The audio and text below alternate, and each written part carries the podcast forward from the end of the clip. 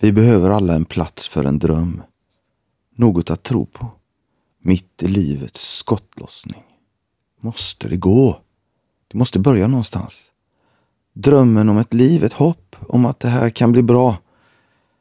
Sitter på tunnelbanan i New York och tänker på hissingen och på USA. Olika men lika. Människor dör meningslöst. Likadant våld på olika sätt. Här i USA blev en man nyligen skjuten i ryggen av en polis som sen planterade sin elpistol på offret för att hävda att det var självförsvar. Åtta skott avlossades mot mannen som försökte springa därifrån. Ett träffade ryggen. Turligt nog filmades förloppet av en medborgare som råkade vara där med sin telefon. Bluffen avslöjades. Det är inte bra för moralen. Vad gör det med ungdomarnas förtroende för polisen? Tänker på människorna på restaurangen som tittar på fotboll på Hising Island och sen blir beskjutna. Tänker på mannen som blir Tänker på människorna på restaurangen som tittar på fotboll på Hising Island och sen blir beskjutna. Tänker på mannen som blir skjuten i Brämagården. Tänker på honom som blev skjuten i Angered. Av vilken anledning? Tillhörigheten till samhället finns inte mer. Så som det var förr. Det är förändrat. Jag har bott i Gbg i 40 år.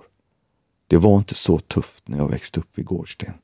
Men nu, hallå liksom, hjälp och varför? Jag hade tur. Jag valde rätt. Hoppade över en massa dumma grejer. Hade föräldrar. Ville inte svika mig själv eller dem. Men det räcker inte längre. Om man är ung, inte vill prata med sina föräldrar och det finns ett gäng som kan ge pengar och skydd och döda för en kanske det känns mer angeläget, tillfredsställande, tryggt och säkert för stunden att vara med dem. Det är svårt att vända den trenden. Det räcker inte med föräldrarna. Det behövs mer. Ett samtal som handlar om människorna och framtiden. Ungdomarna måste känna att det finns hopp.